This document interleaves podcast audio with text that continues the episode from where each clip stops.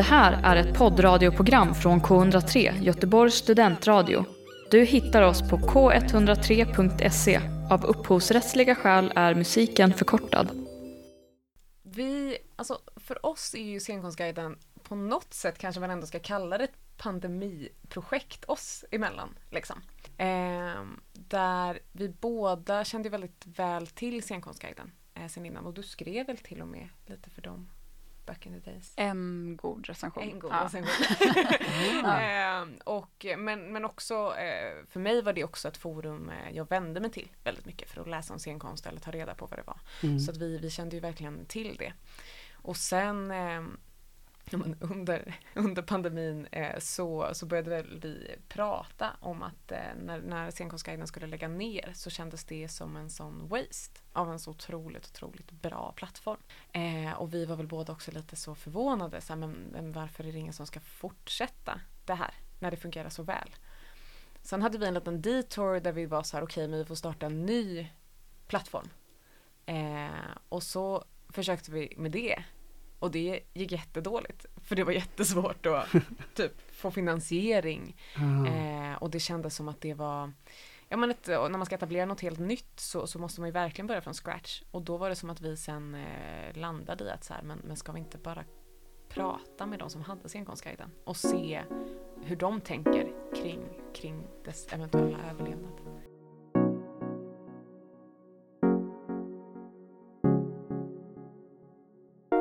Välkomna till podcasten Äkta känner äkta, en podd om teater och film. Mitt namn är Marcus Standoft och dagens gäster heter Linda och Märta. Hej! Hej! Välkomna hit! Tack så mycket! Vi, vi pratade lite innan och du Linda har varit i den här byggnaden innan. Exakt, Vill en du- gång. Ja, vill du berätta vad du gjorde här då? Då var det 2014, jag hade precis flyttat hit första gången och så var jag Mm. här på någon sån inspark. Och det är Ja. nog enda gången. Och var den insparken i den stora lokalen där nere liksom, där Precis. de dansar just nu? Exakt, jag tror att Linda Pira spelade. Det var så Jaha. konsert, ja, men det var, det var, det var fest liksom. Ehm, ja, Okej. Men du, vänta, du hade också varit där, men hade du köpt böcker bara? Jag har köpt böcker, precis. Ja. Och sen har jag eh, gått förbi fler gånger än vad jag kan räkna, för jag är uppvuxen i Landala. Så jag har Ah. liksom gått på de här gatorna väldigt många gånger. Ja, just det. Mm. Ja. Det är inte så jättelångt härifrån än precis. Nej. Vad, vad har ni gjort i helgen annars? jag, eh, idag kommer jag direkt ifrån att ha undervisat massa barn i cirkus. Mhm. Eh, så det kommer jag direkt springandes ifrån. Mm. På kult... Nej, vad heter, vart, vart jobbar du då? Eh, på Stora Teatern med cirkör. Aha, Eh, okej. det har jag gjort idag och sen igår så var ju vi också tillsammans och var i Kungsbacka och såg Kullbergs eh, föreställning där. Mm. Vem, vem är det här? Eh, det är ett... eh, ett eh, Ballettkompani kan man väl säga. För, är det ballett? Ja, men det är ett eh, danskompani. Modernt, ja. ja, modern dans helt enkelt. Okej. Ja. Hur, hur var den upplevelsen? Ehm, fin, ehm, men jag tror att vi båda kände att det inte var så kanske kontrastrikt som vi hade förväntat oss kanske. Eh, hade nog ganska höga förväntningar båda två. Och, men det var verkligen alltså, fint och bra liksom. ja, det var otrolig musik, Ja. tyckte jag. Mm. Nu har jag ju såklart redan glömt, kanske hette han David Keirs eller någonting som hade gjort musiken. Men det var jättefint. Ja. Men, men berätta lite, vad, du undervisar i cirkus, vad, vad gör ni liksom? Mm, eh, det är dels en del som är ganska mycket lek eh, och mycket så samarbete och sen så är det olika cirkusdiscipliner.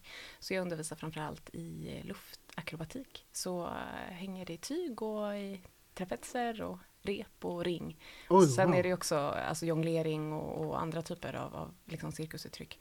Men, men det jag gör mest är det som är i luften. Ja, fett. Mm, det är jättekul, Jätte, jätteroligt är det. Så vi Ja. håller på att förbereda julshow, så jag har ägnat mig åt att så, vänta, eh, klä ut, eh, det är så familjecirkus och då är det någon pappa som eh, ska vara jultomte och komma ner från ett tak, ett tyg och eh, ja, fullt ös. Inför avslutning om två veckor. ja, spännande. Vad har du gjort Märta?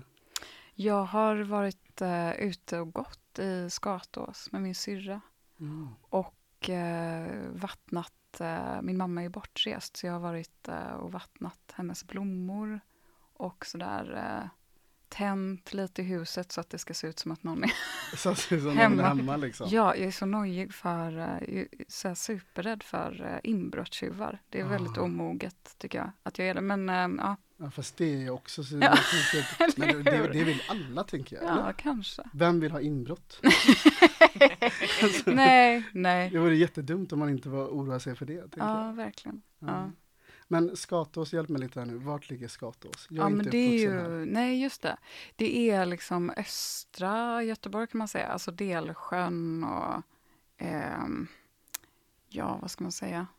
Delsjöområdet, alltså bortanför Liseberg och Kolltorp och Okej. de trakterna. Det är Ja. Mm. stort naturområde liksom. Ja, ja, Mm. ja. Ha. Spännande. Mhm. Ja, då har jag lärt mig det. Mm. Vill ni höra vad jag har gjort? Jag tänkte Ja, precis fråga. I fredags så var jag på bio och såg eh, Boy from Heaven. Och den har jag hört många säga att man ska se. Ja, ingen av er har sett den? Nej. Nej. Den var speciell. Den, eh, ja, den, var, den, var, den var speciell. Jag hade jättehöga förväntningar också Mm. på den här filmen. Eh, och så var det någon som berättade för mig att eh, Tarek Saleh som är regissör då, hade sagt så här i någon intervju att ja, men förstår man inte den här filmen, då, eller den här filmen är inte för dumma. Så jag satt ju så här och var lite så här orolig också, så här bara, hmm, kommer jag fatta den här filmen? Det låter som jättemycket press Jag att ha vet. på en upplevelse. Ja, eh, och jag kan säga att jag förstod inte allt. Gjorde jag inte. Eh, Det låter sympatiskt. eh, så att, eh, så här, och, men du vet att jag gick och tänkte så efteråt bara, hmm, ja, säger detta något om mitt IQ nu eller liksom så här. Men vad, vad handlar det om? Eh, Alltså vad... Eller är det kuggfrågan? Ja. Nej, filmen handlar om eh, Fares Fares är en av huvudrollerna och han spelar en polis och den utspelar sig i Egypten på ett universitet som är väldigt så här mystiskt och det försiggår grejer där in, innanför de här väggarna på universitetet. Eh, och så sker ett mord. Så Fares Fares som spelar polis ska lösa det här mordet. Och då tar han hjälp av en ung eh, fiskarson som är student. På den här, han har fått ett stipendium liksom så att ingen av han i hans familj har liksom läst på universitet så att det, han har verkligen blivit tagen från gatan kan man säga. Så att han blir Fares Fares infiltratör och liksom så att han pressar honom väldigt mycket för att få reda på vad som sker innan, innanför de här väggarna då liksom. Så det är det den handlar om, så det är ett litet mysterium. Mhm. Men ja, så den, ja den är väldigt spännande men också ganska svår. Vad, ge, jag. vad ger du den 1 till 5? Två, nej tre då för att det. Fares tror jag. Tre, ja. Ja, sval respons från dig.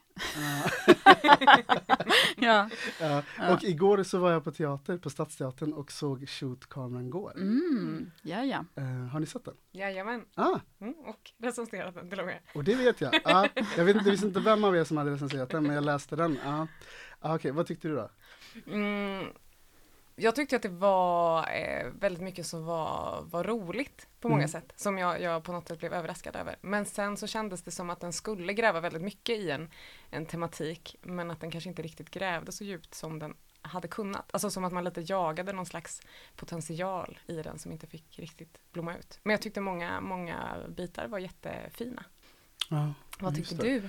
Nej men, ehm, jag tog med mig också en vän som inte brukar gå på teater, så jag var lite orolig typ för eh, henne typ, att, ja men shit så här, det var jättemånga år sedan hon var på teater, vad ska hon tycka och liksom så här, vad, hur kommer hon uppleva det här? Men så blev jag också så tacksam att, att den var väldigt så här, eller jag tyckte att den var ganska lättsam att följa med i, även om det liksom, det var ju kaos. Större Oh ja. delen av föreställningen. Men så här, man, det, det var så tacksamt att man satt bara där och liksom åkte med i den här, i den här berättelsen på något sätt, Mm. tyckte jag. Så det, eller, jag kände inte att jag efteråt satt och försökte, så här, eller behövde överanalysera saker och ting. Mm. Det, ja, Mm. det, men sen så, ja jag vet inte, jag brukar inte skratta på teater men, men jag skrattade ganska mycket då faktiskt.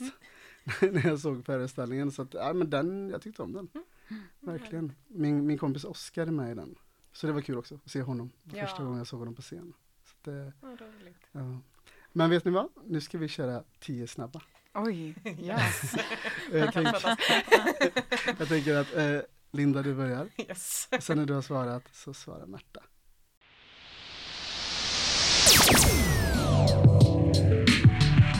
Det här är K103. Fullständigt namn. Linda Maria Emmy Brelin. Vad vet du om dina namn? Mm, jag vet eh, att eh, namnet Emmy kommer från min gammelmormor som min mamma var väldigt, väldigt nära. Så Ah. det eh, finns en sån tydlig släktkoppling. Eh, med Linda finns det nog inte så mycket mer att säga än att det var ett namn mina föräldrar gillade. Mm. Och eh, ja, så, så Emmy är kanske den enda som har lite, lite historia i sig. Mm. Ja. Kul. All right, då kör vi dig. Mm. Märta eh, Kristina Jungerfelt. Ja. Mm. Jag stannade upp lite vid Kristina, det är för att jag tycker att det är så präktigt. Ah. Ett präktigt namn. Men det heter jag. Ja. Tar emot att säga. ja, det tar lite emot. Det är också ett sånt här släktnamn då. Mm. Som, ehm, men det var att min mamma ville att jag skulle heta Märta Stina. Alltså som dubbelnamn. Mm. Och det ville inte min pappa då. Så Mm. då, jag tror det att hon har fått in det här Kristina då som någon slags kompensation ja, kompromiss, kanske, eller liksom. kompromiss. Ja. Ja. Aha, det är väldigt fint med dubbelnamn annars tycker jag. Eller hur? Ja. Det är liksom, ja, lite avancerat. Ja. Ja, det, Ja. kan, det kan man verkligen säga. Ja. Det, det, det, jag tänker också att det, det döps alldeles för få barn med dubbelnamn nu för tiden. Tänker jag. Men det är många som heter Lo. Mm. Det är ju mycket så här Emma Lo Ja. och, eh, Li också. ja, Ja. och Li. Okej, ålder. Tänkte efter 28. Fyller snart 29. Uh, Okej, Eh, hur känns det för dig att vara 28? Eh, men 28 tycker jag är en ganska snygg ålder på något sätt. Mm. Alltså den, jag gillar de siffrorna tror jag. 29 känns ju väldigt tråkigt. Väldigt intensivt att fylla 29. Så att jag kanske hellre stannar lite i 28 om jag får bestämma. Men det får jag inte. Men ha, vad spännande att du, du känner så för 29. 30 tänker jag är en sån ålder man bara oh no. Så, Men då tänker jag att man eh, börjar bli tagen på allvar för första gången. ah, När man fyller 30. Nu är man fortfarande ung och lovande. Så då kanske man kan få liksom vara på riktigt efter det. Sant. Okej, hur gammal är du? Jag är 27. Mm. Mm. Hur känns det för dig då? Jo, men det, alltså det är ju eh, 27 Club Mm. som jag förhoppningsvis inte kommer tillhöra. Men det är, det är otroligt att tänka på de som är i den klubben och hur mycket de, alltså tänk Amy Winehouse. Jag vet inte, alla de, de var bara 27. Mm. Och jag har inte hunnit med något, höll jag på att säga. Nej men det är ju liksom, ja. Ja, nu fattar jag. Det tog så här, ja, jag kopplade inte först när du sa, men nu fattar jag precis vad du menar. ja allas liksom just det. genier som har dött Som har gått bort när de blir 27. Ja. Var inte Heath Ledger också 27? Jo, det var han nog. Ja. Han är nog med där. Och så är det ju Kurt Cobain och Mm. eh, vilka är de mer? Janis Joplin va? och Jim Morrison. Ja, de är ett gäng. Nu kanske jag sa fel, men det, det är min vilda gissning. När fyller du 28? Eh, ja, det dröjer nästan ett år till dess. Ah, Mm. mm. Mm. Okej. Så allt kan hända. Ja. Jag tänkte verkligen säga så här, du får ta det lugnt tills dess, men jag vill heller inte skrämma upp dig. Nej. Man ska leva. uh, Okej, eh, vart gick senaste resan? Senaste resan gick till eh, Valencia. Mm? Mm. Berätta om den. Eh, Jag åkte dit på eh, luftacrobatikkurs, intensivkurs, två veckor i somras. Ah, Eh, Så jag var bara där och tränade så sex timmar om dagen i 40 grader värme i någon hangar. Det var som att vara på militärträning kändes det som. oh shit. För att det var så, så varmt och så fysiskt. Men helt underbart också. Åkte du dit själv? Eh, Men med en arrangör som jag har varit med tidigare. Eh, Mm. Så kände några lite som också skulle gå den kursen. Men har, eh, har du ofta varit iväg på kurser liksom världen över? Eller var det Mm, första ja, men- gången du lämnade Sverige för att liksom Nej, det var det inte. I, eh, jag tycker väldigt mycket om att gå kurs. Tycker det är väldigt, väldigt roligt. Eh, så att, nej, men tidigare år så var jag i Mexiko på yoga lärarutbildning. ah, Och sen var jag också på en liknande cirkuskurs för två år sedan, eh, fast i Aten. Så det är väl eh, absolut ett intresse jag har. Mm. Att åka någonstans, ta en kurs och eh, lära mig något jag vill lära mig. Liksom. Och att det är fint att göra det när man reser. Så att inte bara, jag tycker det är svårt att vara turist. Eller jag vet inte riktigt vad det innebär alltid. Nej. Man känner sig mest vilsen och, och lost liksom. Men jag tänker också så här, om man, om man är på en kurs, då har man också ett sammanhang som man tvingas in i liksom, Mm. eller det är Mm. självvalt, men då, då ska man dit. Och Ja. då kommer det också så här människor världen över, tänker jag, som också är, måste vara där liksom, för att de har tagit det valet. Ja, Det blir något fint där, tänker jag. och ett väldigt fint möte ibland när man ska liksom bara ses under en väldigt kort tid. Mm. Så tycker jag att man blir väldigt öppen för varandra. Mm. Eh, så att man också lär känna folk på ett väldigt fint och, och öppet sätt. Liksom. Var gick din senaste resa? Mm. Eh, den gick till... ehm, jag tycker nästan det är genant att prata om resor i dessa tider. Men Mm. den Ja. gick till Sicilien faktiskt. Ja. Ja, och vill det, också veta, när reste du dit? ja det, var, det var i år. ja, ja visst. Mm. Ja. Men, Men, du generad både av pandemi och klimat? Eller? Bara, bara klimat. Ah, jag, Ja. jag tänkte verkligen pandemi. Ja, Ja. jag, jag anade Just Ja. det. Ja, nej, nej, det var precis. klimatångest. Ja. Ja. Ah, Okej, men, men då undrar jag, brukar du resa då? Nej, det brukar jag inte. Nej. Nej, inte sådär väldigt ofta, nej. Vad var det som förde dig dit då? Ja, men det var att eh, några kompisar skulle dit. Mm. Och eh, det, eh, jag har en vän vars föräldrar har lägenhet där. Ah, Så då åkte vi ett gäng till den här lägenheten ah, och eh, levde våra bästa liv, skulle jag ändå. ah, påstå. Shit. Hur många Ja. var ni? Hur många var vi? Sju kanske? ah, men det är Ja. ändå, det, det är ett gött gäng liksom. Ja, verkligen. Ja, va- verkligen. va- vad gjorde ni på er resa då? Ja, men eh, den var verkligen inte produktiv på något sätt. Utan det var bara så, eh, äta då jättegod mat och Mm. bada. Jag hade nog tänkt att vi skulle sådär gå i bergen eller någonting, men det var ju så Mm. fruktansvärt varmt. Filmen du såg senast heter? Jag ser ju ingen film överhuvudtaget. Nej, va? Alltså, Det här är en teater och filmpodd,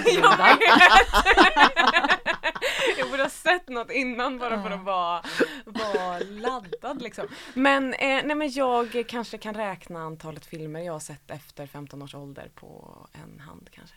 Är det Ja, sant? det är fruktansvärt, jag vet. Ja. Oh, men, det här, ja, men det här tycker jag är jätteintressant. För jag då som typ, ja men nästan varannan dag tror jag att jag ser någon film. Mm.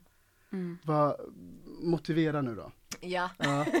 Nej, men jag ljuger lite kanske. Jag har sett en del film, kanske på bio. Jag är Mm. mer benägen att Mm. och så fall se film. Eh, men eh, jag tror, och jag tycker det är deppigt, eh, men att det är så långt. Att mitt liksom attention span är, är, är för kort. Liksom. Men det känns ju som att säga att jag bara vill läsa korta böcker eller något sånt där. Och det känns ju jättedeppigt att det är så. Mm. Så att jag, men jag tror att det handlar om det och att jag inte tycker så mycket om att vara hemma. Eh, jag är liksom ofta iväg Mm. runt på olika ställen och då finns det liksom inte, det är sällan jag tar mig det utrymmet tror jag. Så här, nu ska jag kolla på en hel film för jag blir rastlös. Liksom. Mm. Eh, och det, men det är ju ett helt eh, outforskat eh, fält. Det kanske skulle vara jättehärligt om jag gav mig in i filmens värld. du får pitcha lite filmer. Jag, jag vet inte vad, jag kan faktiskt skicka en lista till dig. Jättegärna, På på, typ tio riktigt. filmer. Ja, faktiskt. jättegärna. Sen vet inte jag ifall du kommer tycka om dem, men jag tycker om dem väldigt mycket i alla fall. Som sagt kan jag ingenting så du kan liksom, du kan se det här som att du kan prägla hela min filmsmak. Ja, Ja, ja men du, du ska få den listan. men härligt. Okej, men du, du, ja, då, men då förstår jag att det blir svårt för dig att svara på den här frågan. Också att jag verkligen inte, nej men jag har ingen aning Nej, faktiskt. nej. Okej, ja, men det är lugnt, vi ses. Märta, du då? Ja, men jag, eh, jag älskar att gå på bio. Åh, jag med. Ja, det är ju underbart tycker jag. Mm. Och jag var på bio alltså senast förra veckan tror jag. Mm. Och då såg jag Maja, Nilo, Laura. Det är en ny Ah. film. Av, ja det är klart den är ny för den går på bio då. Men, den, men den är, eh, det är typ som en road movie. Och det är jättevackert foto. Eh, ja, den var toppen. Är jag helt ute och seglar nu, men är det en svensk film? Mm. Med Bahar Pars? Ja, precis. Ah, ja, det är den. Ja. Jag har hört jättegott om den. ja, men den var verkligen toppen. Skulle du rekommendera den? Ja, det Mm. skulle jag verkligen. Okej, det- men det är en dramafilm liksom eller? Mm. eller den, ja. Mm. Och vad handlar den om förutom att de är på roadtrip liksom? Ja, men det handlar om att det är liksom, det är, det är två systrar och ehm, den ena har sin son i Portugal. Eh, och då tar eh, mormon hand om den här sonen tillfälligt. Och sen så ska eh, hon, hon liksom snor sin systers bil typ för att åka ner och hämta den här sonen. och får med sig eh, sin systerdotter och till slut så följer också systern med. Så då, det är liksom de tre då, Maja, Nilo och Laura, som åker ner Ah. mot Portugal Okej. för detta mission. Mm. Mm. Och så händer det såklart massa saker på vägen. Course. Ja, såklart. såklart. Ja. men, men går den här på SF, eller Filmstaden menar jag? Eller står den på någon kanske mindre biograf? Ja, jag gick på Folkets bio. Ah, Ja, men den kanske går på SF också, jag vet faktiskt inte. paradrätt. Skulle säga eh, någon slags eh, grön dall är väldigt bra. Alltså med gröna linser. Ah, Ja, Mm. Det skulle jag säga. Eller framförallt är det väl kanske andra som har sagt att det är min paradrätt. Så jag får väl lita på dem. Okej, men, men pitcha det här nu. Vad har du i, det, vad har du i detta då? Eh, men vad är det i? Alltså gröna linser, eh, Mm. det är mycket så eh, sambal, ganska, alltså mycket kryddor, vi, alltså spenat, stekte vitlök, eh, kokosmjölk, tomater. Ja, Mm. Mycket ingefära. Har man typ ris till eller vad har man till det? Alltså jag gillar inte så mycket ris, men jag skulle Nej. säga att de flesta skulle nog vilja äta det med ris. Men jag äter det som det är eller med libabröd. Ja, det tror jag aldrig jag lagat till dig Marta. Nej, jag har inte någon det. gång. Jag kände så här, det här är en... Nu ljuger hon kände du? Nej, men... jag kände det här är outforskad terräng. Mm. Ah. Ja. Men jag lovar att jag ska bjuda dig Ja. den. den. Nej, men jag skulle säga att jag är stolt över den. Mm. Mm. Mm. Kul. Vilken är din paradrätt? Ja, men eh, eh, jag gör ibland en lammfärssås Mm. som är jätte... Alltså den är ganska enkel att göra. Men den smak... Alltså det är så här citron och salvia, oliver, massa sånt gott i. Så den smakar så här, eh, lite dyrt, typ. Men, den, är, Ah. men, den, är, men den är jätteenkel. Ja. Mm. Men varför känns det som att den tar hundra år att göra? Lamm, tänker jag. Ah, nej, nej, men man köper liksom lammfärs. Ah, lammfärs Ja, har jag, just ja. det. Och sen är det bara så här vitlök och alltså massa grejer som ska i den. Så. Och vad, vad sa du, vad hade man till den här då? Jag brukar ha pasta. Ah, pasta. Mm. Mm. Oj. Ja, oj. Ja. Jag också Ja, såg men- som gryta först, men nu förstår jag. Ja, jag, jag tänkte Ja, också ja. en gryta Ja. först. Nej, Men mer som en bolognese fast det är liksom en annan... Ja, det är en annan. Ja, Ja, då, medelhavs liksom. ja, då smak. förstår jag att det känns dyrt. Mm. Favoritrestaurang? Oj! Eh, favoritrestaurang. Nu blir det kanske på det första som kommer upp i huvudet. Kör! Ja, eh, jag tycker väldigt mycket om att äta en eh, tryffelpasta på Nonnas. Mhm. Mm. Som ligger, eh, alltså vad blir det? Ganska nära fysiken, alltså mellan typ domkyrkan och Mm, Järntorget. Kungshöjd. ja. Ah. Mm. eh, den är jätte, jättegod. Så då blir det väl kanske en favorit av den anledningen. Eller okej, jag kanske tar tillbaka. Tycker också väldigt mycket om att äta på Simba. Åh, Ja, etiopisk. det är min favoritrestaurang. Ja men eh, det, om jag ska tänka en hel restaurang är det väl absolut Simba. Älskar att äta Mm. där. Ja. Men, men Nonna, ligger den restaurangen i uppförsbacken om man går från domkyrkan Mm. då? Exakt, precis. Ja, Mm. mm. då vet jag. Mm. Ja. Okej, vilken är din favoritrestaurang? Mm. Det är kanske... Jag har aldrig varit på Simba så jag blev jättenyfiken. Oj, Va? Ja, Nej, det måste ja, du ja, ja, ja. verkligen. Åh, jag har så mycket mat att äta nu. Ja. ja, men jag gillar det här, alltså diket som ligger i hängmattan i Majorna. Det är så här jättegoda viner och Mhm. mellanrätter. Alltså det är en mellanrättsrestaurang. Ah. Så jag skulle inte gå dit om jag var hungrig. Men Mm. eh, om man vill ha en så utsökt mysig upplevelse. Det är inte så dyrt, men det är bara, det är liksom ett, det är ändå kulinariskt skulle jag säga. Mm. Mm.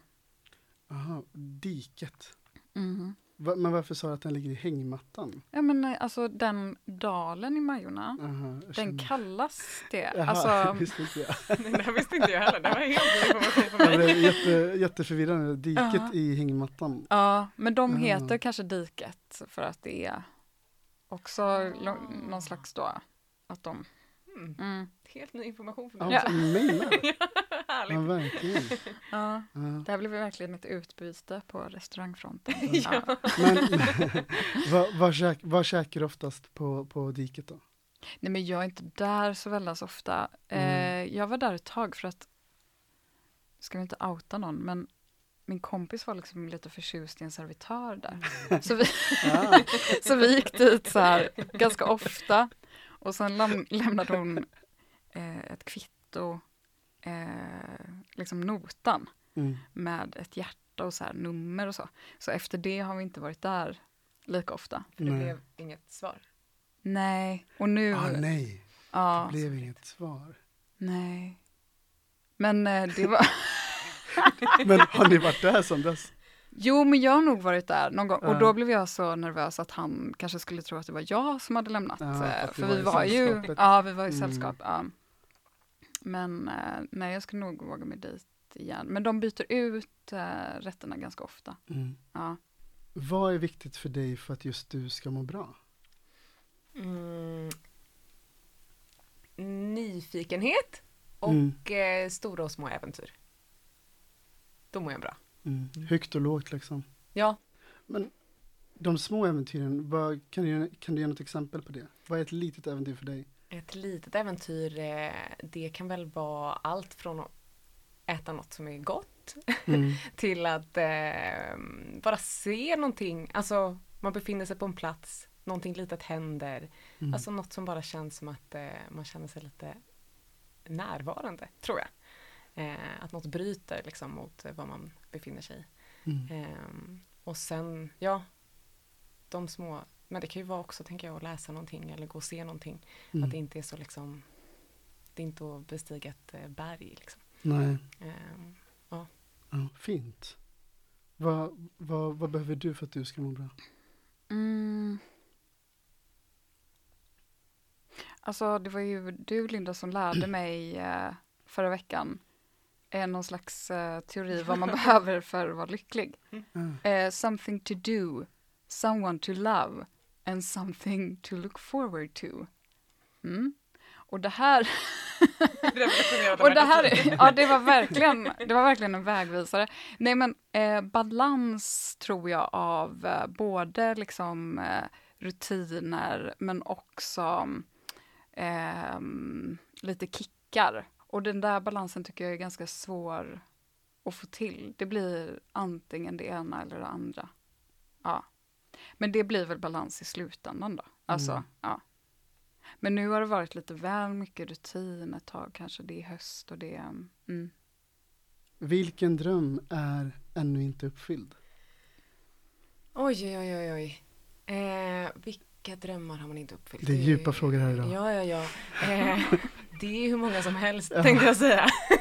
Ta- den första du kom på. Mm, ja, men då har jag ju massa sådana eh, luftdrömmar. Alltså då pratar ju cirkus igen. Att det finns liksom eh, vissa trick eller vissa fysiska grejer jag vill att min kropp ska kunna göra. Och det kan jag ju drömma om varje dag. Liksom. Att, att klara de sakerna. Ja. Ehm, ja. Du då Märta? Alltså det första som dök upp, om jag ska vara helt ärlig, var så här, eh, Sommar i P1. Men det, Ah, men det, är inte, det är inte ett korrekt svar. Det är, va, det får man verkligen drömma Ja men det om. får man drömma om. Men det är faktiskt, det var bara något som jag tänkte var ett eh, kul standardsvar. Men det är nog snarare kanske att eh, köpa ett hus någon gång. Vill jag Ah. jättegärna göra. Det vill Mm. jag jättegärna ha ett hus. En öppen dröm. Men jag skulle jättegärna vilja ha en trädgård och eh, bo sådär fritt som jag tänker att man kan göra. Men är du händig av dig? Nej, Vem ska ta hand om huset då?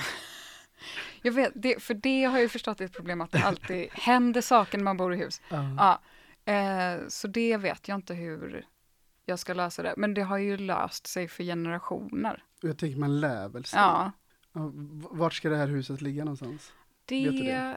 vilken ständig huvudvärk det är. För att det kostar ju så fasansfullt mycket Mm. att bo någorlunda. Alltså man kan ju inte köpa ett hus i Göteborg. Det Nej. kommer inte hända i mitt liv. Mm, så kanske någonstans liksom i Bohuslän där det inte är hav då. För det, där är ju norskarna och, och det är så jättedyrt att köpa hus vid havet. Ja, det är det. Ja. Ja. Så Mm. kanske Bohusläns inland. Vilket yrke tror du att du hade haft om du inte hade jobbat med det du gör nu? Men det vet jag ju verkligen. Då hade jag varit samhällsplanerare för att jag är utbildad till det. Så så hade det ju verkligen kunnat bli. Ehm, annars så tror jag att jag hade varit lärare, alltså i skola. Nu undervisar jag ju mycket på andra sätt.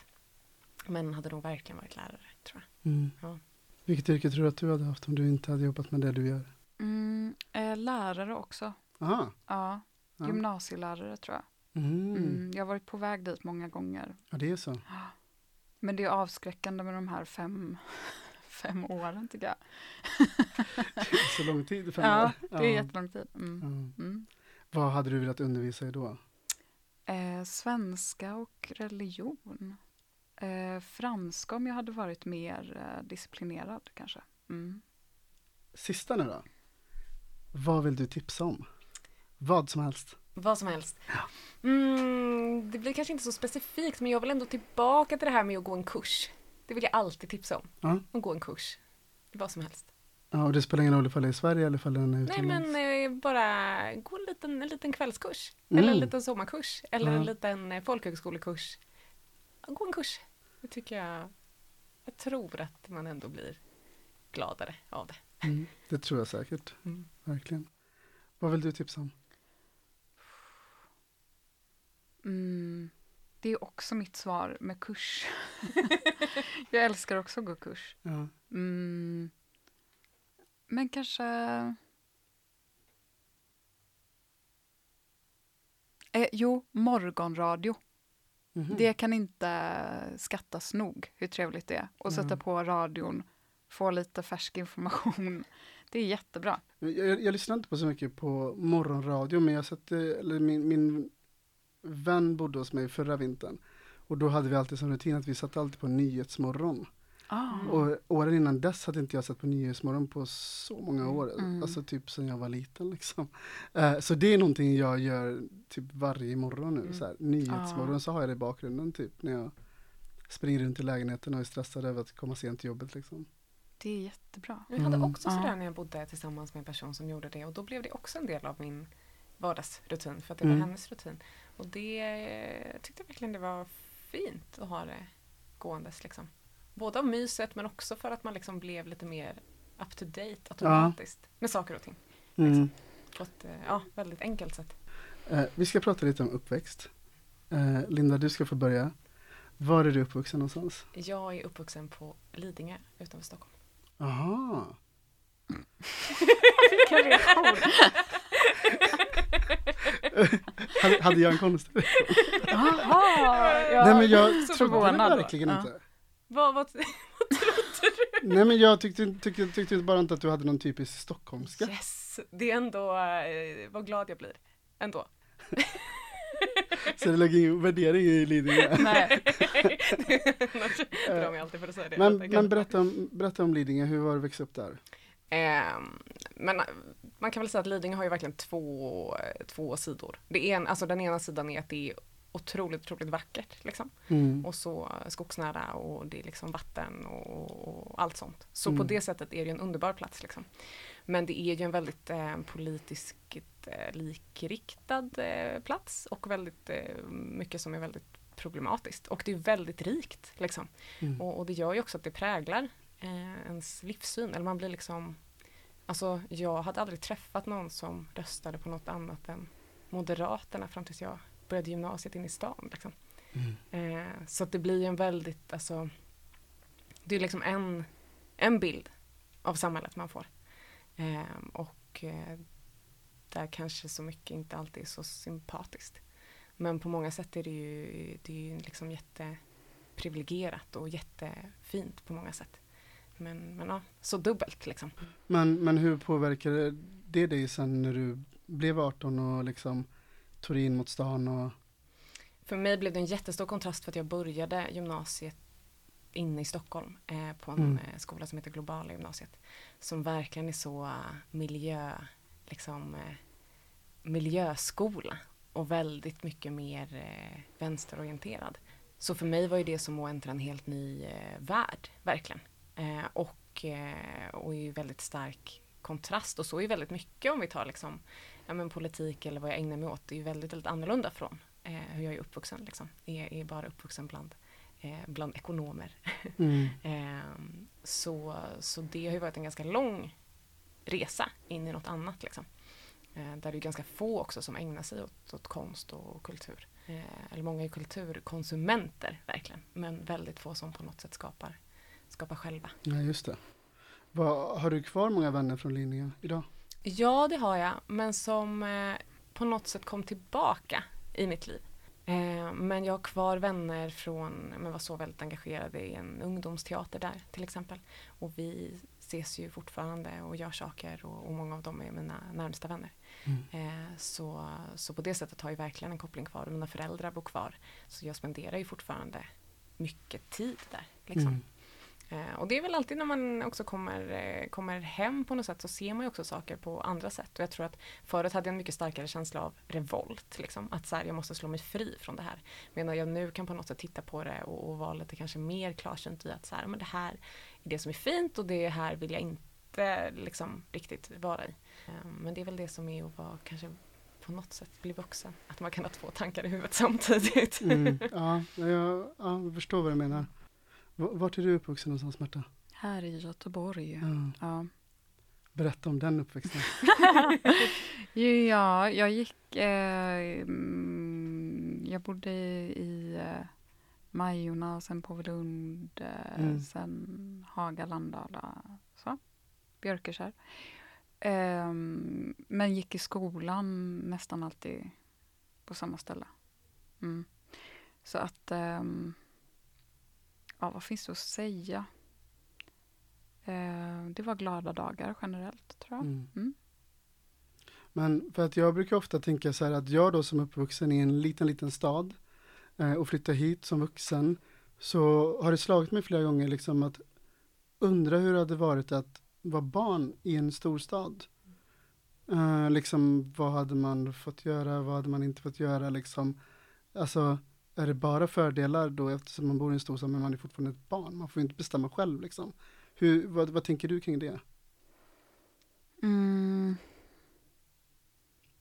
Bara en sån sak att det går spårvagnar inte. överallt. Du kan sätta dig på en spårvagn så kan du hamna i liksom i Angered eller liksom i Mölndal eller så mm. här. Ja, jag vet inte. Som barn tror jag inte att jag upptäckte stan på det sättet sättet kanske. Alltså det var typ så här. jag var inte en så här vild eh, eh, ungdom heller. Alltså senare kanske, men på högstadiet var mitt liv typ åka in till stan och så här, eh, ta, ta en chai latte på Espresso House. Mm. Alltså, och sen gick jag i dans och då var jag eh, på min dansskola. Alltså så det var inte jag vet inte. Så, och det var, min frihet behövde inte begränsas så mycket tror jag, för det gjorde jag så bra själv. Alltså, ja. om, ni, om ni förstår hur jag menar. Mm. Ja. Men, men då undrar jag, liksom, tri, trivs du i en storstad? För du pratade innan om att du ville flytta till ett hus. Mm. Jo men det gör jag och jag tror, jag tror att jag skulle ha ganska svårt att bo um, i ett hus på landet sådär som jag ibland drömmer om för att jag är också lite sällskapssjuk sådär ju. Och eh, jag tänker det är väl eh, kul att bo i en storstad för att man kan hitta likar på ett sätt som eller grupper av folk som man kanske... Att det, bild, att det kan bildas subgrupper på ett annat sätt än vad det kan på en mindre ort. Mm. Nu är jag inte del av en sån på det sättet, men det är... Ja, och att det finns ett utbud på att göra saker. Du lyssnar just nu på en radiostation som är del av SRS, studentradion i Sverige. Jag vill veta, när fick ni ert intresse av scenkonst? Jag började i teatergrupp när jag var tio kanske. Mm. Mm. Eh, och, eh, och det var liksom eh, veckans höjdpunkt på väldigt många sätt. Mm. Eh, att ses för den gruppen och vi satte upp olika pjäser och sådär. Eh, så jag, det väcktes ju verkligen från ett, liksom, ett utövande perspektiv. Liksom. Och det Mm. tog nog ganska lång tid innan det blev någonting som jag uppskattade som publik. Och började aktivt ta del av scenkonst på det sättet. Vet du hur gammal du var liksom när du började gå på teater? Alltså man gick, jag gick en del i min uppväxt men då var det ju kanske bara så antingen skolteater Mm. eh, eller stadsteatern. Liksom. Ja. Eh, eller gå på musikal eller liksom mer, vad ska man säga, den, den eh, kommersiella scenkonsten eller privatteatrar och så.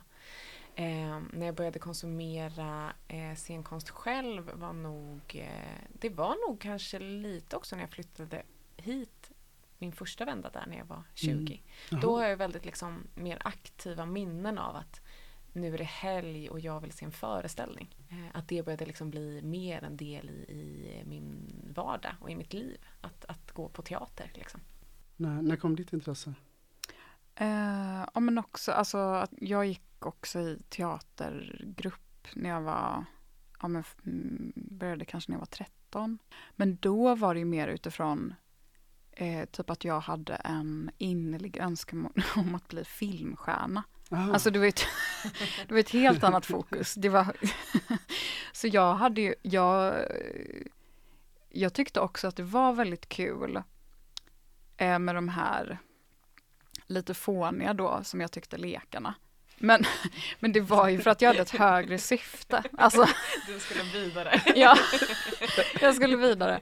Ja, så, det var, ehm, så det var väl först kanske i gymnasieåldern som jag började tycka att det var som jag började gå mer och se eh, saker sådär. Och sen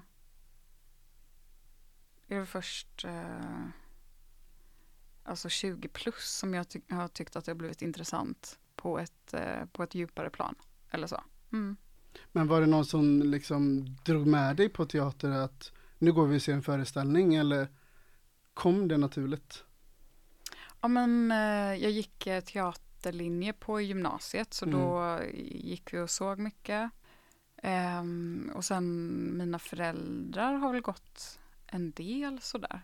På, och liksom, så att jag har ju mm, Det har väl varit en del men ehm, det är först ja, men som jag blivit vuxen som jag ser eller liksom sett mer ofta.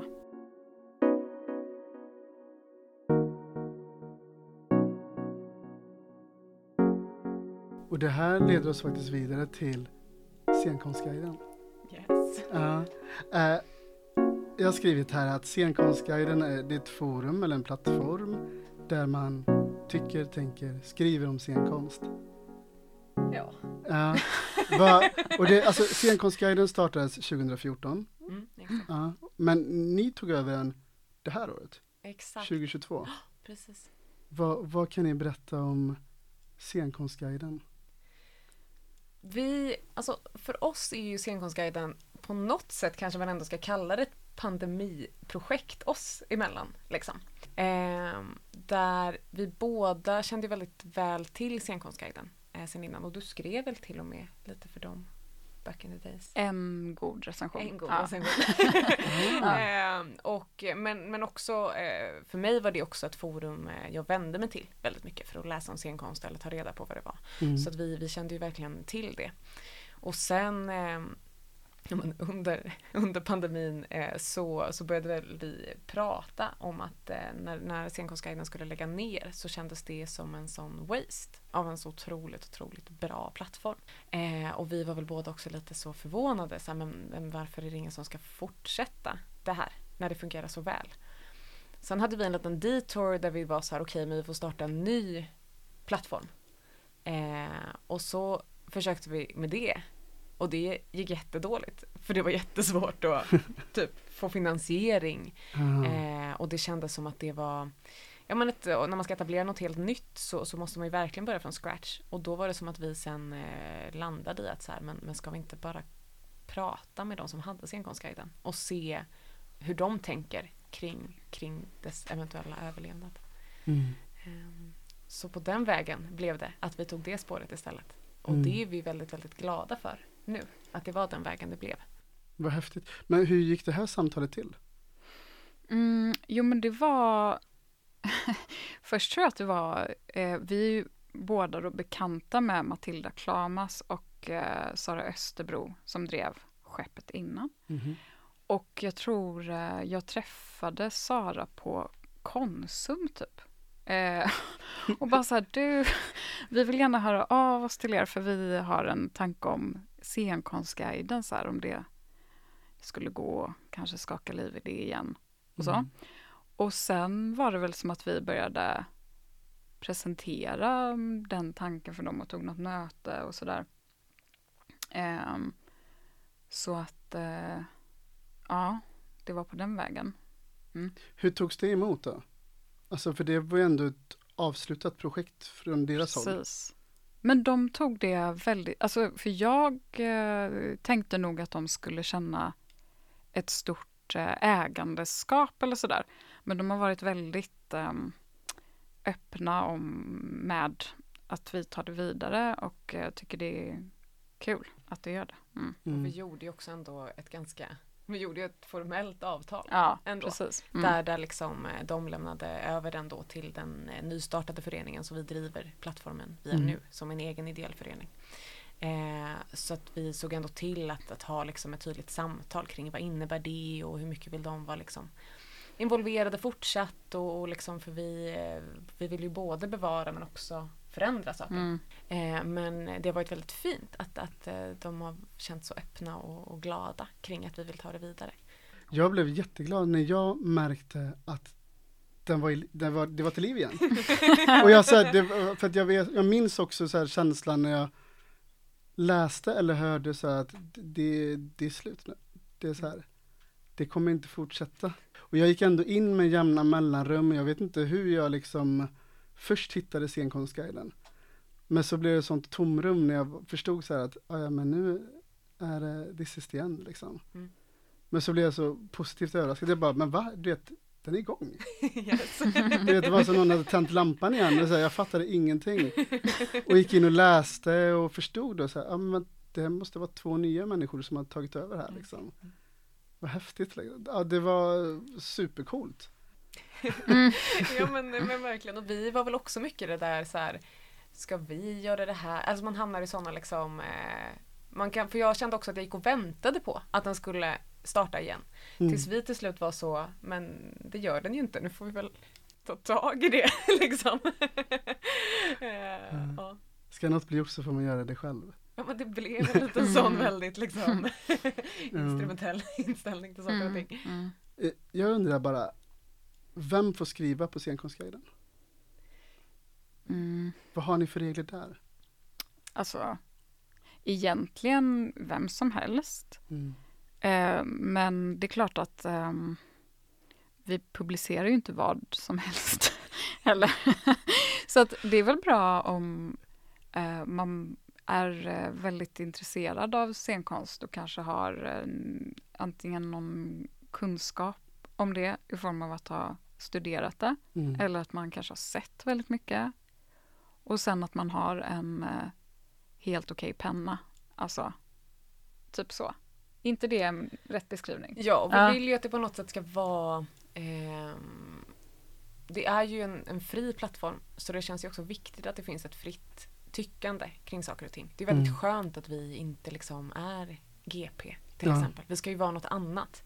Ehm, samtidigt som vi också har känt att vi har velat på något sätt, jag vet inte om man ska kalla liksom höja kvaliteten, känns inte rätt riktigt uttryckt, men vi, vi har känt att eh, vi kanske vill strama åt lite. Att på något sätt eh, ha en lite, lite kraftigare sluss kring vad vi skickar ut. Liksom. Eh, som det var tidigare var det ju också väldigt, väldigt, väldigt öppet, vilket var ju underbart. Men också väldigt mycket unga människor som skrev. Det var, de gjorde en superinsats för liksom, det unga skrivandet. Eh, medan nu så, så hoppas vi kunna, och kunna bjuda in ännu fler röster och bredda kanske åldersspannet och, och liksom hitta andra sätt att, att göra den friare. Liksom. Jag har en fråga bara, om vi går tillbaka till att ha en bra penna som du tog upp Märta. Men jag bara, då undrar jag så här att räcker det att ha en liksom stark berättarklöd? Säg att man har varit på teater och bara, Mm. fan det här vill jag skriva med om. Jag måste liksom så här, du vet, få ner mina tankar och, och tycken på liksom, på, ja, på tangentbordet. Eller vill ni hellre att det ska vara någon som kan formulera sig med rätt termer och liksom, hur tänker ni där? Ja, alltså om man pratar om recensioner då. Vi har ju både recensioner, reportage och eh, andra typer av texter. Men när det kommer till ehm, recensioner. ehm, det finns ju en recensionsform som ändå är ehm, någon slags standard. Mm.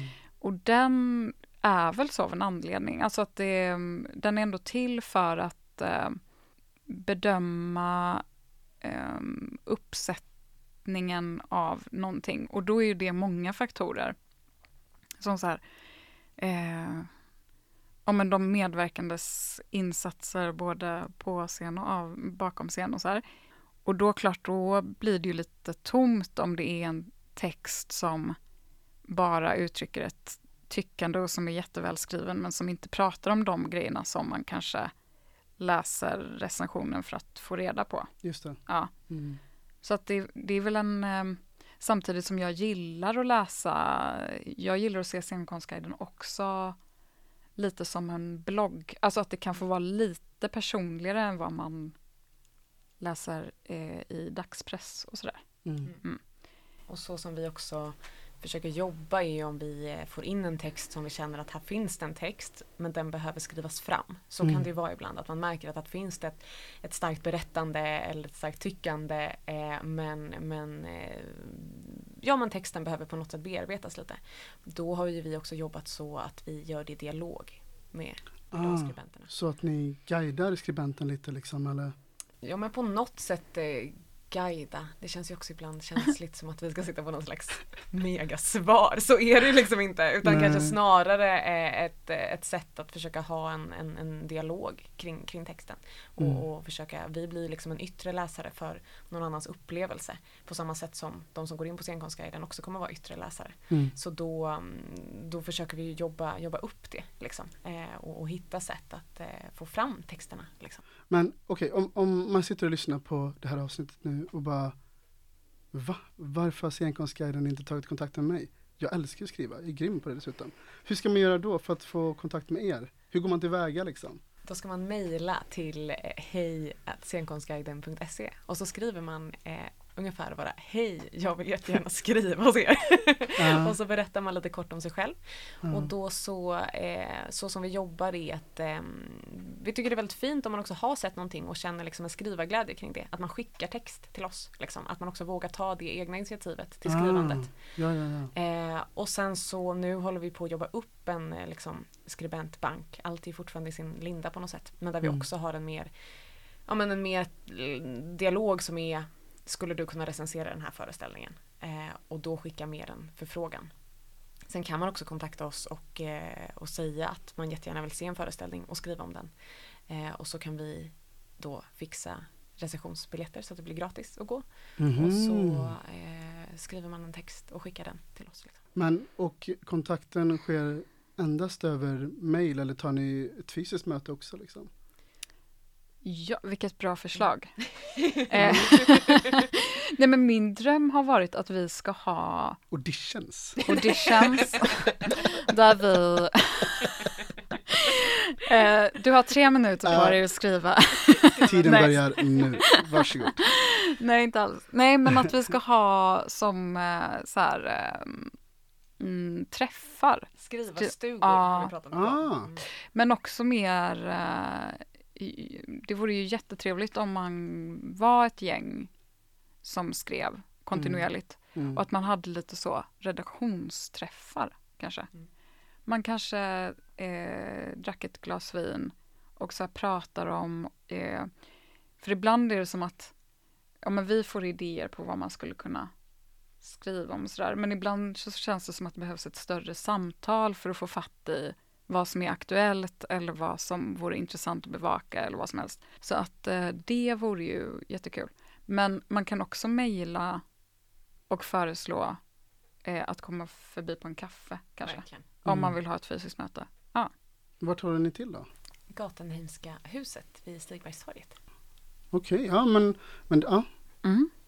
Men precis, det känns ju också roligt det här med, med samtalet kring saker och ting. ja. Alltså det är ju ett sätt, eh, ett sätt att också börja skriva. För ibland upplever jag att det finns många som verkligen skulle, skulle vilja och kunna skriva. Liksom. mm. Men man behöver bli lite, lite startad. Liksom. Så kan ju liksom bara vårt samtal se ut om vi har sett någonting som vi själva ska skriva om. Så ibland vill man ju stöta och blöta saker. Och det är ju olika traditioner. En del recensenter är ju väldigt så strikta i typ så här, jag ser föreställningen, sen pratar jag inte med någon.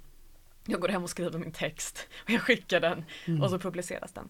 Och det är ju liksom ett sätt att, att göra det på som, som vi också delvis gör.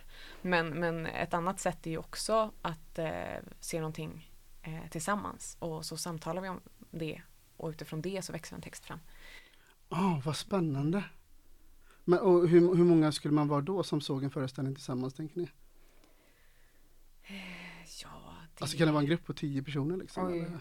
Det hade varit, jag hade tyckt det var eh, ljuvligt att att undersöka det. Det jag eh, väl blir nyfiken på med det kollektiva skrivandet är Mm. ju någon slags konsensuskultur som kan uppstå. Alltså på något sätt. Vad betyder det? Eh, på, att, eh, att den här gruppen kommer försöka enas kring en gemensam åsikt istället för att det får vara spretigt. Och det är också det spretiga Ah, okej. som är det härliga. Eh, och att eh, det kan vara väldigt olika upplevelser fast man har suttit i samma salong och tittat på samma, samma Mm. sak.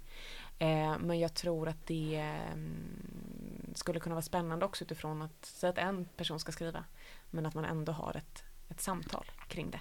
Mm. Det kommer ju påverka en. Liksom. Men jag, ja, jag är ganska för att eh, kliva ur och sen eh, jag kan känna mig hjälpt av att prata med någon men jag blir också väldigt lätt färgad. Så jag, eh, jag glömmer bort, liksom. ja Ja. verkligen. Så jag glömmer bort liksom vad eh, min egen tolkning var eller Mm. eh, eh, och så eh, tycker man att någon säger något väldigt smart och eh, Då blir det så- också någon sanning på något konstigt sätt. Ja, det- Vilket det inte behöver bli liksom. Nej men precis och sen så mm, kanske jag lägger vikt då vid det fast att jag, jag egentligen inte hade sett det som Mm. den personen såg. Så att jag vet inte. Och väldigt mycket tycker jag att man kan färgas av vem det är som säger en viss åsikt. Just det.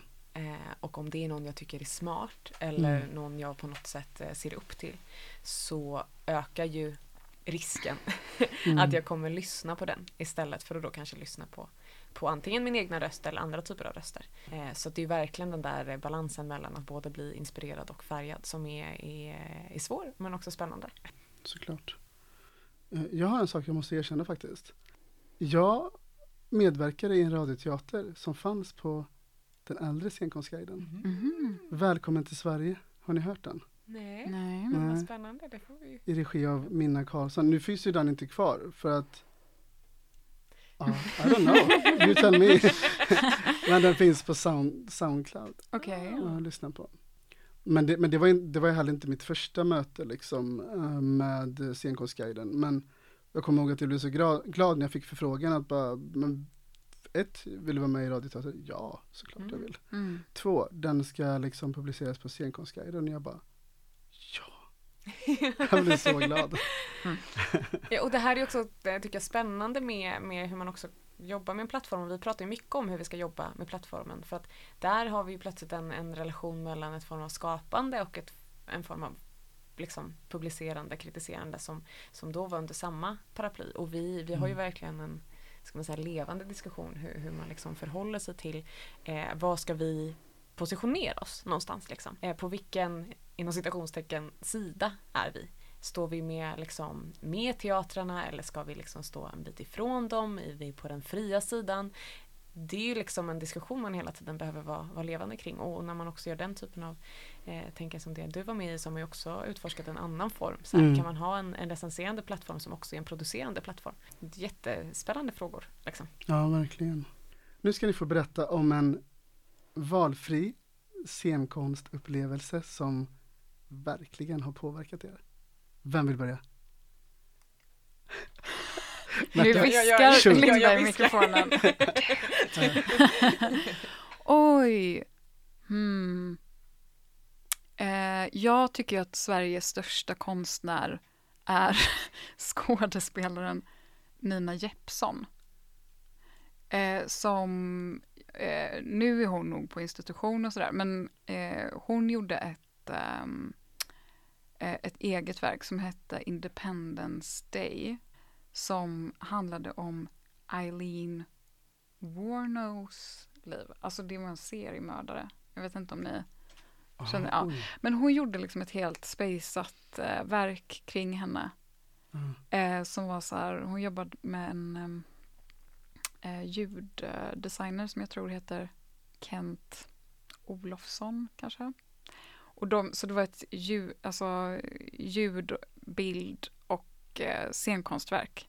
Som Ah. var liksom som ett eh, ja, men pussel. Alltså det var väldigt eh, eh, och hon spelade alla rollerna och det var liksom ehm, ja, det yes. Var såg du den här någonstans? Först på Turteatern i Stockholm. Först såg du den för en gång? Ja, Jag Ah. såg den sen, jag såg Wow. den sen i Malmö. Det var ju inte lika kul andra gången. Ibland så måste man ju liksom, eh, man ska ju lämna upplevelsen där den var. Ja, den låter sjukt spännande faktiskt. Det var det. Ja, Nu berättar jag ju inte så ingående, men det var, ja det var väl en eh, hommage till henne då. ja. Pinsamt, man får hoppas att ingen hör. Det var väl, det var väl asfint, tänker jag. Ja, eller hur? Jättefint. Ja. Ja. Mm. Linda, har du hunnit tänka? Okej, Linda. Ja, men jag tycker sånt här är svårt också utifrån, för för mig är det också olika saker vad som är typ eh, det bästa jag har sett eller det jag tycker är typ, eh, vad ska man säga, mest konstnärligt intressant mot Mm. vad som typ har påverkat mig allra Ja. mest. Ja. Eh, så att om jag mer pratar utifrån vad som har alltså, påverkat eh, min syn på kanske teater och sådär. Då tänker jag på eh, när jag var kanske, kan jag ha varit, eh, 16, 17 och var utbytesstudent i Australien ett år. Och då åkte vi, med- jag läste drama där och vi åkte till en väldigt, väldigt liten eh, friteater i, Mhm. i Melbourne. Eh, och jag bodde liksom i en liten by ute på landsbygden där men vi åkte in till stan och vi skulle till den här lilla teatern. Och då var det, eh, då satte de upp eh, sex roller söker en författare Okej. som är verkligen en klassiker. Mm. Men eh, det var mitt första möte med eh, teater som inte var institutionsteater. Och en klassiker som var uppsatt på ett oklassiskt sätt. Ah, spännande. Och det revolutionerade hela min syn på teater på något Mm. sätt. Att jag var så här, okej, kan det vara på det här sättet? Och det tror jag har präglat eh, resten av hela min teatersyn, Mm. den upplevelsen. Minns du något specifikt så som bara fick dig liksom att trilla av stolen liksom? Eller? Ja, men det finns liksom en, en scen eh, eh, där det sker, alltså man, eh, vad är det, det är ett barn som, som dör genom en skjutning. Okej. Eh, och, eh, och då hade de liksom dockor som så trillade ner från taket. Och så Mhm. stod pang liksom. Ah, Eh, och det var så himla starkt. mm. Eh, och att jag heller inte hade sett dockteater innan. I alla fall inte utifrån ett vuxet perspektiv. Man Ja, hade kanske sett liksom barnteater med dockor. Eh, så det var också att se att eh, något kunde förmedlas på ett sätt som, eh, som också inte var det uppenbara. Liksom. Eh, och, så den stunden minns jag jag minns det så, så, så starkt, liksom, att jag var så uppfylld efteråt. Liksom. Ni ska få dra en lapp. Jag tänker så här, vill ni Antingen så drar ni en lapp, Mm. då diskuterar vi det alla tre. Eller så drar ni en var. Och då till exempel, den lappen du får, den får du diskutera med lite inhopp här. Och den lappen du får får du diskutera med lite inhopp och så vidare. Vad känner ni? Jag tycker kollektivt samtal Ja. låter härligt. ja. Och prata om det tillsammans. Okej, vem, vem ska dra lappen då? Sten, sax, påse. Först till ett. Ja. Okej, Jag visste det. Märta vann. Oj, vad många lappar det fanns. Mm. Nu blundar jag. Så väljer jag den. Ja. Mhm. Är det du som har skrivit de här Ja. lapparna? Mm.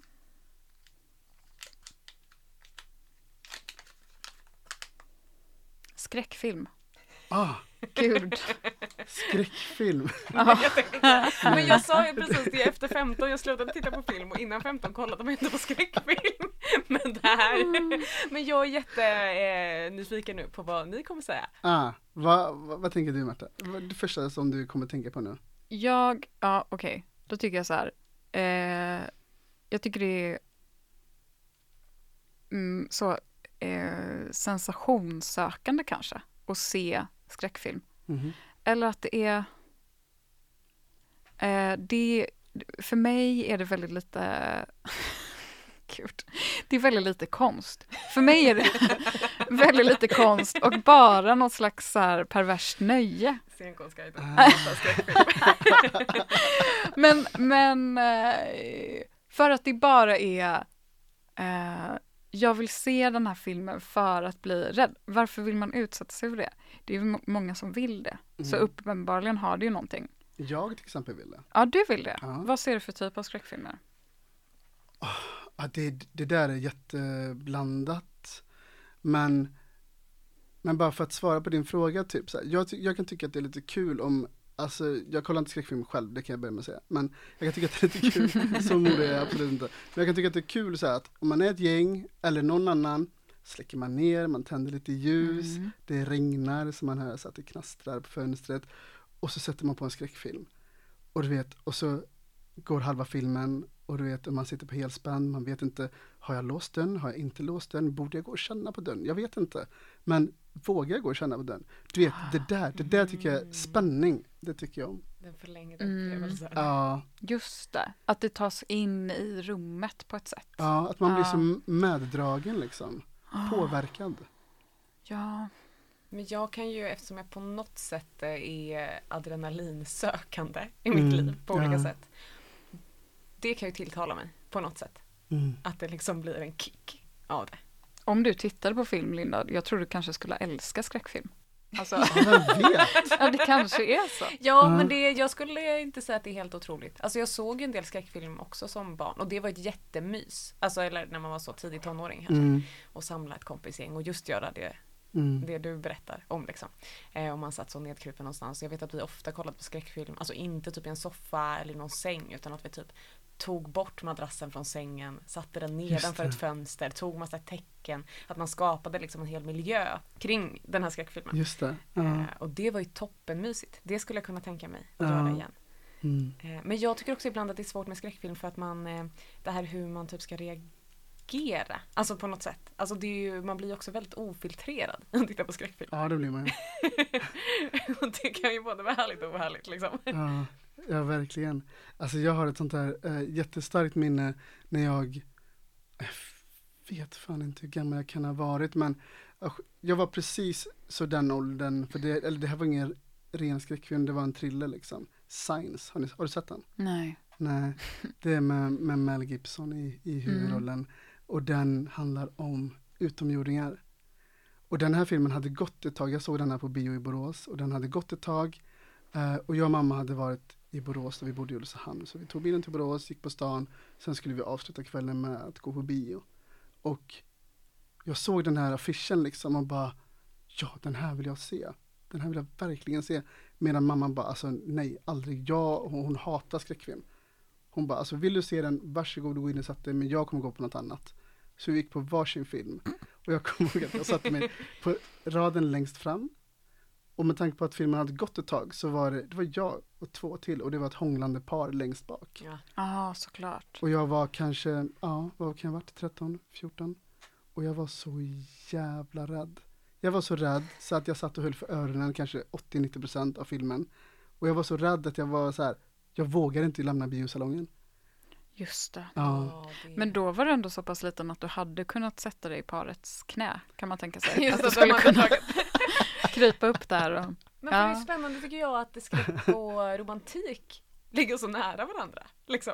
Att det Ja. känns som att det är en så här eh, dejtgrej. ja. Och det är så Varför här, gör det det? Är, men det är, är det bara den eh, närhets, närhetssökandet?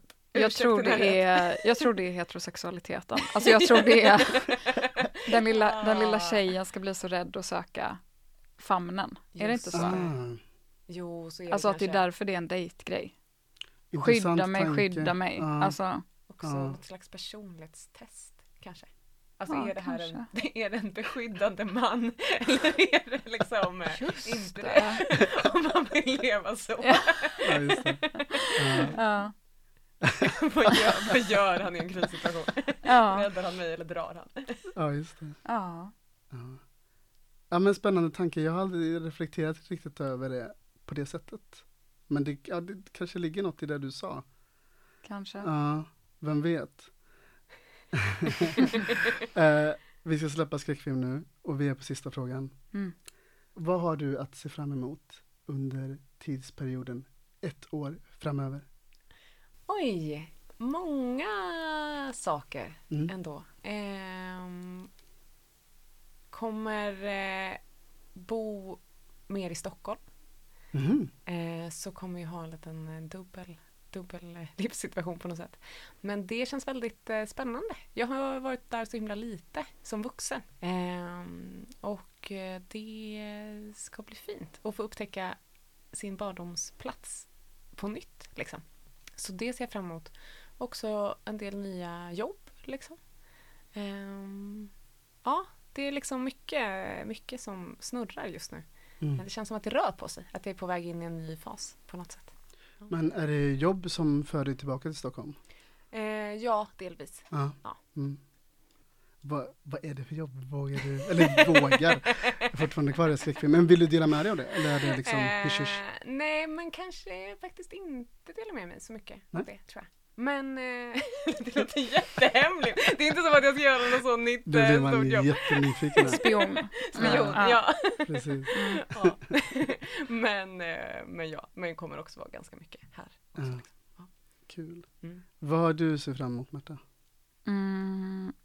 Jo, men jag... ehm, apropå kurser då. Ja. ja. Eh, jag ska gå en seglarkurs i maj. Jaha. Alltså över en helg. Så det ju Men ändå. Jag tror, eh, jag gillar känslan av att så här, det kanske är det här. Förstår ni känslan? Mm. Alltså det kanske är det här som är jag.